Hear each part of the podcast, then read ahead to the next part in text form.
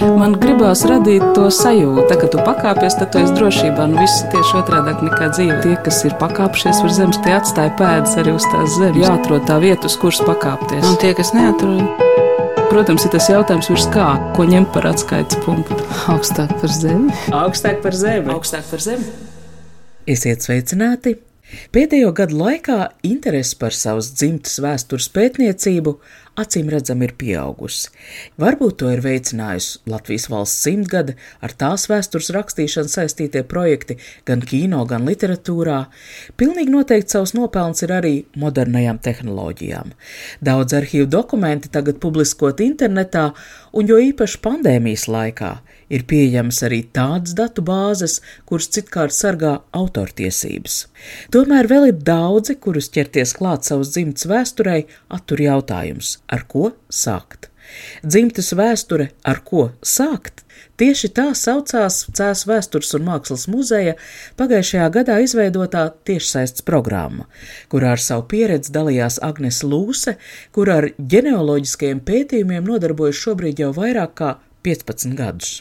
Pētniece izveidojusi savu mājaslapu. Tajā var pasūtīt pētījumu privāti, bet var arī pētniecībai nepieciešamās iemaņas apgūt patstāvīgi. Šobrīd mājaslapā izsludināts jauns tiešsaistes kurs, kurā no 12. janvāra deviņās nodarbībās Agnes Lūsa mācīs gan kā strādāt arhīvā, gan kā lasīt dokumentus rokrakstā, gan arī kuri no pieejamajiem internetu resursiem varētu izrādīties noderīgi.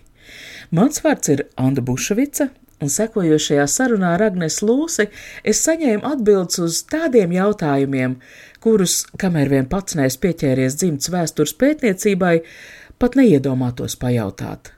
Patiesībā ar Agnēs Lūsu mēs esam pazīstami jau krietni sen. Es tevi pazīstu kā kultūras projektu menedžeri. Tu esi gan izstādes kūrējus, gan arī jaunā teātra institūtā, ja nemaldos, izrādes. Festivālā, jā, Homonovas festivālā arī strādāju savulaik. Es domāju, tas varbūt pirmajā brīdī liekas neparasti, kā es no laikmetīgās mākslas nonācu kaut kādā vēstures uh, tēmā.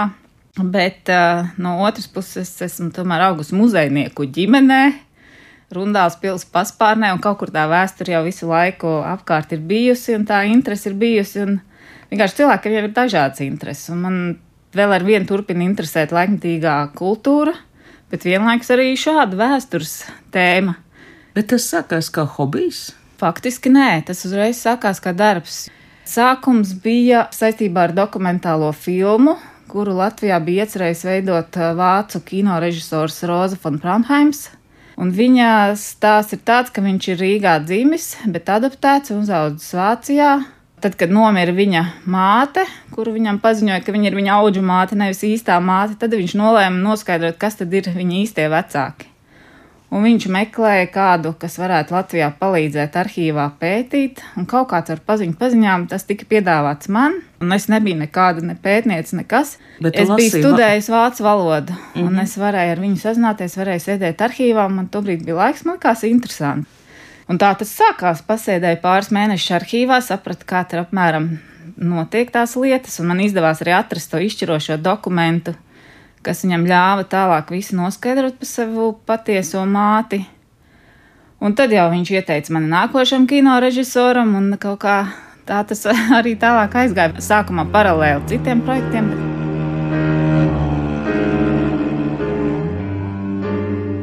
Guck mal, dein Hochzeitsbild. Ach ja. Und da hat der Vati ein Hakenkreuz am Ärmel. Also das musste ich ja tragen. Jā. Par Rozes von Braunheims 2007. gada dokumentālās filmas Manas mātes, meklējot saknes Rīgā priekšvēsturi, Agnēs Lūsa vairāk pastāsta 2008. gada žurnālā Kino raksti. Mazliet citēšu. Roza von Braunheims ir Holgara Mišvicka mākslinieka pseidonīms, kas pieņemts atsaucoties uz rozā krāsu, ar tādu nacistu iezīmē homoseksuāļus, un arī Frankfurts pie Mainas priekšpilsētu Braunheimu, kur Holgers savulaik dzīvojis. Tiesa brīdī, kad sākam sarakstīties, Roza gan vairs nav tik pārliecināts, ka viņš tiešām ir Holgers Mišvickis. Riga Zentralgefängnis. Im Knast geboren, also das muss man erstmal verkraften. Erklärt vielleicht einiges. Raksta Agnēs stāst arī par mulsumu, kāds viņu pašu pārņēmis pirmo reizi strādājot arhīvā. Man par pārsteigumu arhīvā nevar visu ierakstīt meklētājā uzvārdu un tā vienkārši caurskatīt attiecīgos dokumentus. Tur darbojas daudz pakāpju sistēma, kurā atsevišķie dokumenti salikti mapēs lietās, bet mapes pēc tēmām apvienotas fondu aprakstos, un tie savukārt skatāmi fondu reģistrā. Mapēs ir gan rokrakstā, gan mašīnrakstā rakstīti dokumenti, dokumenti, vēstules piezīmes vācu, krievu, latviešu valodās nereti nesalasāmas. Nav iespējams paredzēt, vai konkrētajā mapē būs tiešām nozīmīga informācija, vai tikai tādi pāri palikuši nejauši atrast papīri. Darbniecis man skaidro, ka otrā pasaules kara dokumenti ir kara trofeja, saglabājies tikai tas, ko vācieši atstājuši neiznīcinātu un nav aizveduši sev līdzi. Nu, man arī liekas ļoti interesanti, ka daudzas no tām metodēm, ko tu aprakstīji, gan arhīvu darbu, gan stāstu uzklausīšanas, ir nu, aktuāls arī mūsdienu mākslā. Tieši tā. Man jau ir bijis pat uh, pētījums priekšlaikmetīgās mākslas centra projekta, jo, protams, parādās mākslinieki, kuriem tas arī interesē. Un bija šis te laikmetīgās mākslas centra projekts uh, par sarežģītajām vēsturēm. Ungāru māksliniece pētīja arī vienas ebrejietes vēsturi, un mēs pētījām to viņas dzimtas vēsturi, un viņa pēc tam taisīja mākslas darbu balstoties uz tā. tā kā, protams, Domāju, kas var būt interesantāks par to, kā mūsu šī sarežģītā vēsture arī kā tāds mākslas darba saturs. Man liekas, ka tur ļoti daudz ko interesantu varētu taisīt. Ar ebreju genocīdu Otrā pasaules kara laikā saistīts vēl kāds Agnēs Lūses veikts pētījums. 2017. gadā kopā ar Annu Žīguru un Pēteru Bolšaiti sarakstītā grāmata Latvijas klusie varoņi par cilvēku glābējiem. Tu šo grāmatu piemini savā īsajās biogrāfijās. Man rodas iespējas, ka tu ar šo darbu lepojies. Droši vien, kāpēc es viņu pieminu, ir tas, ka pārējie mani tie pētījumi ir tādi privāti, ja privātiem cilvēkiem. Par to man ir grūti kaut kā atskaitīties. Neviens nevar viņus izlasīt, izņemot tos konkrētos cilvēkus, viņu radiniekus. Un tas bija viens no retajiem publiskajiem tādiem pasākumiem. Ir bijuši vēl daži pētījumi priekš grāmatām, bet tas ir eh, vairāk ārzemniekiem. Vienai amerikānietei nu pat vienai vācietei. Kas tas bija par grāmatām? Tātad viena amerikāņu autore pētīja Indra Devī. Tā ir tāda jogas eh, aizsācēja, kuri arī ir faktiski dzimusi Rīgā, bet ir ļoti arī tādu avantūristisku dzīvesveidu. Pa visu pasauli viņa bija izdzīvojusies un beigās viņa nonāca Amerikā un aizsākt tur pirmās e, jogas nodarbības. Un faktiski tiešām jogas aizsācēja rietumu pasaulē. Un otra grāmata, kura tikko iznāca Vācijā, nu, un ceru, kura vēl kaut kādā veidā Latvijā tiks prezentēta, ir par kara laiku, par kleistu mūžu, kurā darbojās tāds medicīniskās zooloģijas institūts. Tas bija Vācu no okupācijas varas e, izveidota institūcija it kā ar mērķi apkarot uh, tīfu, bet paralēli nu, viņa savā ziņā arī druskuļi eksperimentē ar to, kā to var izdarīt. Kā, teiksim, jo tīfu pārnēsā utis, un tad kā apkarot tās utis, diezgan uh, sarežģīts stāsts, bet uh, nu, jā, viņš ir interesants arī ar to, ka turpat blakus ir uh, Stūrbrīd serum stacija, šobrīd mikrobioloģijas institūts kurš ir, bija Latvijas universitātes izveidots ar vadošiem Latvijas zinātniekiem, un cik daudz viņi bija iesaistīti un ko viņi zināja par visu šo turpat blakus notiekošiem eksperimentiem. Tur vēl būtu daudz ko pētīt arī latviešu zinātniekiem. Tā vācu autora pati bija mazmeita tādam Herbertam Bernsdorfam, baltvācu izcelsmes ārstam, kurš nacistu laikā bija atbildīgais par veselību visā austrumu tajā apgabalā, ja tas ir Lat Baltijas valsts un Baltkrievija. Viņi vienkārši, kā jau daudz vācieši, gribēja saprast un izpētīt, cik liela ir viņas vectēva atbildība kaut kādos nacistu noziegumos. Tu esi izveidojusi savu mājaslapu, tātad tu ļaujies būt publiski pieejam, tā ir daļa no tava darba, un ielūkojoties internetā, es pamanīju, ka tu arī nu, pasniedz gan tiešsaistē kursus, gan arī es atradu vismaz par diviem kursiem. Viens, kas ir notika rezidenču centrā Serde, un man likās interesanti, ka tur jūs darbojaties arī kopā ar folkloras pētniekiem, nu, respektīvi parādās tādas vairākas nozars vienkops, ka cilvēkam ieinteresēt un piedāvāt, kā viņš var līdzdarboties. Un otru es atradu, kad sadarbībā ar Cēsu muzeju ir tapusi Tie bija tāpat tiešsaistes kursi, kuri tiešām tapu šajā te Covid laikā. Nu, faktiski tie tiešsaistes kursi, ko es vadu tagad, tas saturs ir tas pats, ko mēs ar CS muzeju kopīgi veidojam. Es mēģinu tajās deviņās nodarbībās tiešām iziet cauri visam tam, ko es pati daru, kuras ir dokumenta grupas, kurās var meklēt, kāda chronoloģiski, kam tu ej cauri un kādu tur kaut kādu metodoloģiju ievērot, un arī, protams, kā tulkot tos sarežģītos vāciskos ierakstus. Bet runājot par aizputi un sērdi un uģi un signu puceniem, mēs pazīstamies ļoti sen jau, protams, jo viņi arī darbojās tomēr laikmatīgās kultūras jomā savulaik Rīgā, un tad viņi aizgāja uz aizputi. Varbūt kaut kādā ziņā līdzīgs tas virziens, ka no laikmatīgās kultūras viņi diezgan nu, pārslēdzās uz tādu folkloru vēsturi, vietējo vēsturi, novadpētniecību. Tas bija tāds vienas dienas seminārs arī tieši par to, kā pētīt dzimtu vēsturi. Un dalībnieki bija man šķiet no visas Latvijas tādi par novadpētniecību ieinteresēti cilvēki. Īstenībā jau tas tiešām ļoti dažādu jomu cilvēkus interesē. Gan tos, kas ir kaut kādīgi saistīti ar kaut kādu turismu vai muzejiem, gan tos, kas vienkārši par savām dzimtām. Cik daudz to cilvēku sanākušo bija? Jo man vienmēr pārsteidz, ka cilvēki ir gatavi ziedot savu tomēr brīvo laiku. Sērdes gadījumā tas bija viņiem garāks kurs, manas nodarbība bija tik viena no daudzām. Es pieņemu, ka tur arī bija kādi 15 līdz 20 cilvēki. Un tāpat cēsu kursā bija pirmajā, mums jau ir notikuši divi izlaidumi. Pirmajā bija 10, otrā jau bija kaut kādi 27. Kā vēlme ir acīm redzot. Jau pēc mūsu sarunas es palūdzu kursu beidzēju kontaktus, vēlos ar kādu no viņiem aprunāties. E-pastā saņem veselu sarakstu, pie kam tur ir ne tikai vārdu un e-pasti, bet pie katra vārda arī īsumā izklāstīts pētījums saturs, problēmas, ar kurām pētnieks saskāries.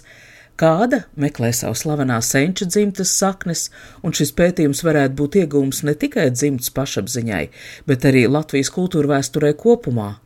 Kādam ģimene Latvijā atgriezusies no Krievijas atmodas gados, un viņa dzimtas pētniecība apgrūtina fakts, ka tagad nepieciešamie dokumenti atrodas ārzemēs. Mums ir divas stundas, un tad vienu stundu apmēram es lasu un rādu, ko nu es zinu, un otrā stundā es dodu viņiem iespēju vai nu stāstīt par to, kur viņi šobrīd ir iestrēguši savā pētniecībā, kāpēc viņi netiek uz priekšu, un tad mēs mēģinām domāt kopēji tos kaut kādus ceļus vai apkārtceļus. Vai nu tas, ko cilvēki ļoti bieži izmantoja, protams, ka viņi vienkārši bija sameklējuši kaut kādus ierakstus, un tad viņi rādīja, kurus vārdus viņi nesaprot, un tad mēs tur kopīgi boksterējām. Un e, šie cilvēki, Jā, Elīna un Toms, un vēl jau bija pāris, bija vienkārši tādi, kas tiešām izmantoja arī to otro daļu un aktīvi tur kaut ko jautāja, aktīvi rādīja, ko viņi nevar salasīt. Ar interviju norunāšanu gan man pārāk labi neveicās. Daži no uzrunātajiem neatsaucas vispār, daži atraksta, ka pēc kursu beigšanas godīgi tā ir no senātas laika pieķerties pētniecībai. Sarunai piekrīt Toms Bisenieks. Kad sarunas sākumā lūdzu viņu iepazīstināt ar sevi, varbūt viņa profesija ir saistīta ar vēsturi vai pētniecību. Ekrāna otrā pusē atskan smiekli. Viņš esot parasts latviets, un arī par dzimts vēsturi tā īsti interesēties sācis salīdzinoši nesen pirms gadiem, pieciem, sešiem. Vēsture kā tāda vienmēr ir nedaudz man interesējusi. Nu, manuprāt, tas ir viens no labākajiem veidiem, skatīties uz vēsturiskiem faktiem no savas dzimtes, kādi ir bijuši likteņi pirms 50 gadiem, kādi ir bijuši pirms 100, pirms 150 gadiem, no kurienes, teiksim, ir nākuši tavi senči un kādas gaitas ir gājušas. Man pieļauj tāpatās kā lielākajai daļai vai lielai daļai Latvijas iedzīvotāju viņi ir bijuši nu, gan ar aivu. Gan bēgļu gaitas Otrajā pasaules karā, gan bēgļu gaitas Pirmajā pasaules karā, radi, kas ir laidušies uz Dienvidu Ameriku pēc 905. gada nemieriem. Un tomēr kāds konkrēts impulss esot bijis. Ražīgs rakstītājs ir bijis mans vecā tēva tēvs. pēc izglītības pedagogs, dzimis 19. gadsimta beigās, iestājies Tērbatas universitātē, skolotājs, sācies Pirmais pasaules karš, piedalījies iesaukumā Pirmajā pasaules kara darbībā, kritis gūstā devies uz bēgļu gaitās uz Sibīriju, pēc tam pēc atbrīvošanas no gūsta tur iepazinies ar uh, savu sievu, tātad uh, vecā tēva māti.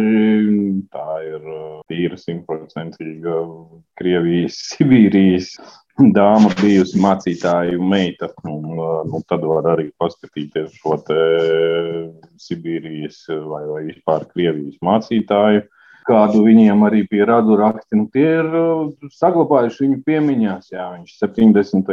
gados Bostonā jau pirmā vecumā ir uh, aprakstījis savas gaitas, gan savas dūku gaitas, gan uh, savas sievas bistrovu gaitas. Jā, nu, tur no Sibīrijas arī viņai mācītāju dzimtu ap 19. vai 20. gadu lielinieki vajāja un sanāk vecmātes māti nogalinājuši, un tāpat tās kā tur tēva brāļus un pārējos. Sarunā jautāja arī, vai veicot šo pētniecību, bijuši arī kādi emocionāli brīži. Laikam jau visvairāk emocijas ir aizsījusi vecvectēvu publicēto atmiņu lasīšana, taču emocionāli bijusi arī sazināšanās ar jaunatrastiem radiem Sibīrijā. Man ir izdevies atrast uh, tur dzīvojošos attālos radus. Mātei sanāk tur otrās pakāpes brālēni kuri dzīvo vēl, vēl turpatās. Jo nu, tā tad vec, vec tēva sievai, vec, vec mātei bija laikam septiņas māsas, vairāki brāļi, tie ir pieminēti. Un tad meklējot kopā šo bistro dzimtes mācītāja biogrāfiju, to es atradu internetā un tad konstatēju, ka to ir papildinājis kāds viņa maz, maz dēls. Jā, esmu ar viņiem sakontaktējis kontaktējies un uh, interesanti sarakstīties. Dzimtas vēstures pētniecība ir labs iemesls sarunai ar tuviem radiem.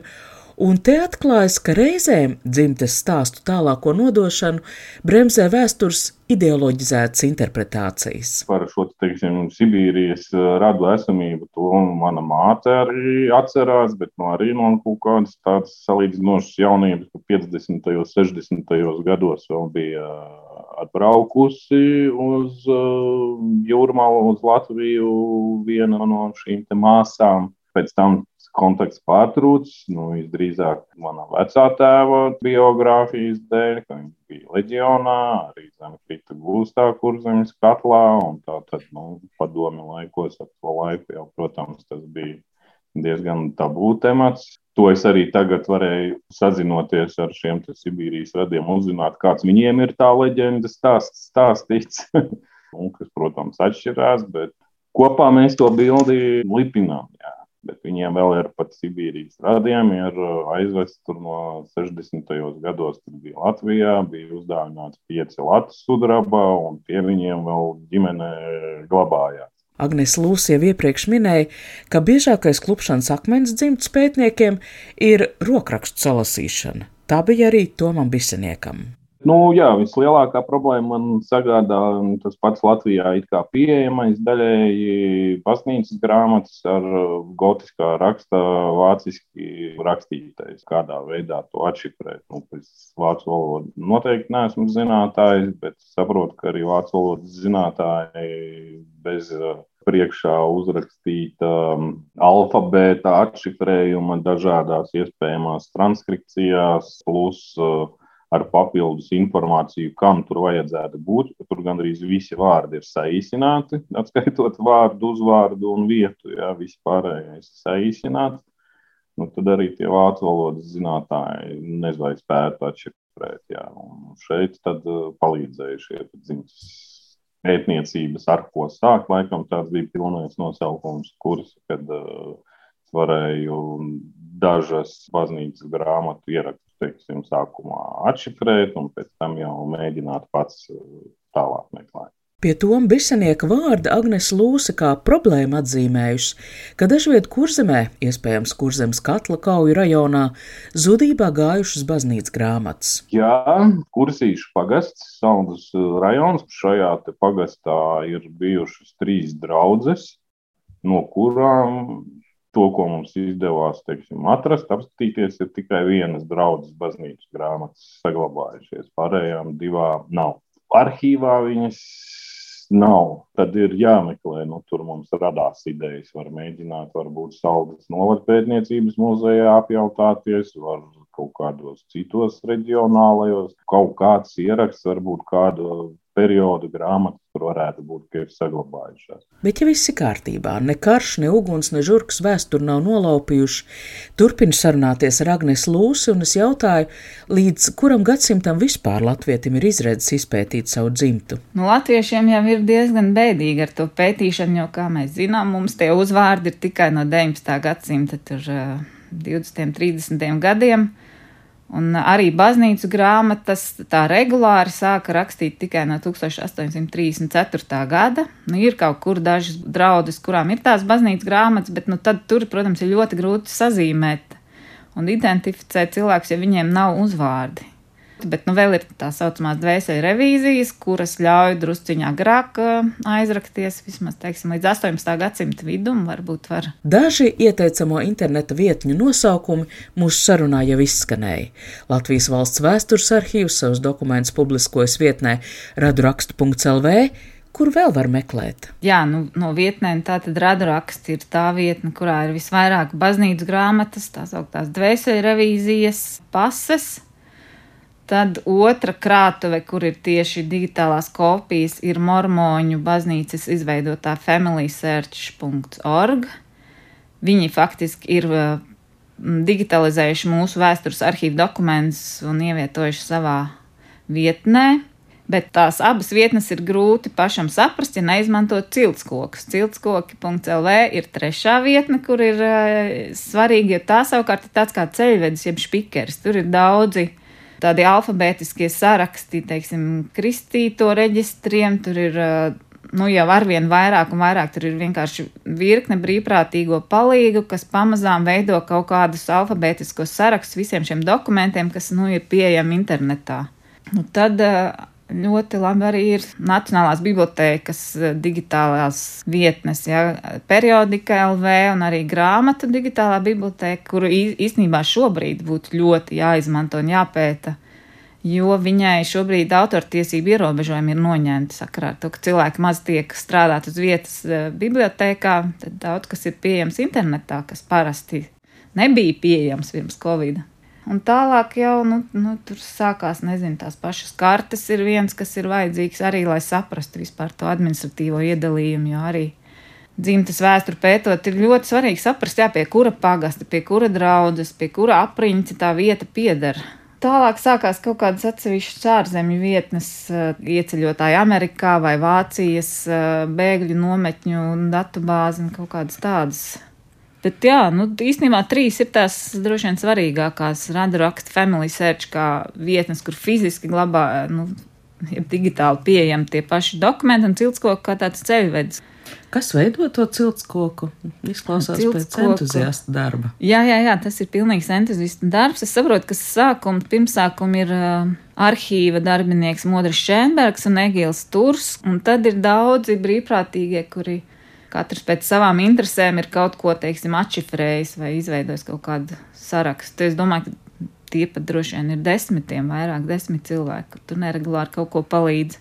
Es domāju, viņi izdara to, ko arhīvs diemžēl nespēja kapacitātes dēļ, jo arhīvam tie finanšu resursi un cilvēku resursi ir acīm redzot tik ierobežoti, ka viņš vispār tādu kaut kādu palīgu materiālu nav spējīgs nodrošināt, un Ciltskog to visu dara. Pēdējā laikā, piemēram, pat arī sākam jau pārfotografēt uh, tā saucamos fondu aprakstus, kas ir tāds satura rādītājs, pēc kura tu zini, kādu lietu arhīvā pasūtīt. Jā. Un tā ir tāda lieta, kas ārzemju arhīvos daudz kur jau ir digitalizēta un pieejama kā elektroniska datubāze, bet pie mums tas vēl ar vienu nav. Un uh, Cilskoka piedāvā šādu iespēju arī pārfotografēt Un es teiksim, arī kā es aizēju uz arhīvu, no es vienu pagastu valdes fondu pārfotografēju un ielieku tai ciltskoku vietnē, nu, lai tad arī citiem viņi ir pieejami.